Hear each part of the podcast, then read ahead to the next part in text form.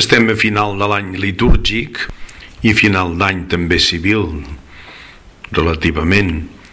I és un moment en què, després de la festa de Tots Sants i del Dia de Difunts, la gent es pregunta més sovint sobre el fi de la vida, sobre el final de les nostres vides personals i del món.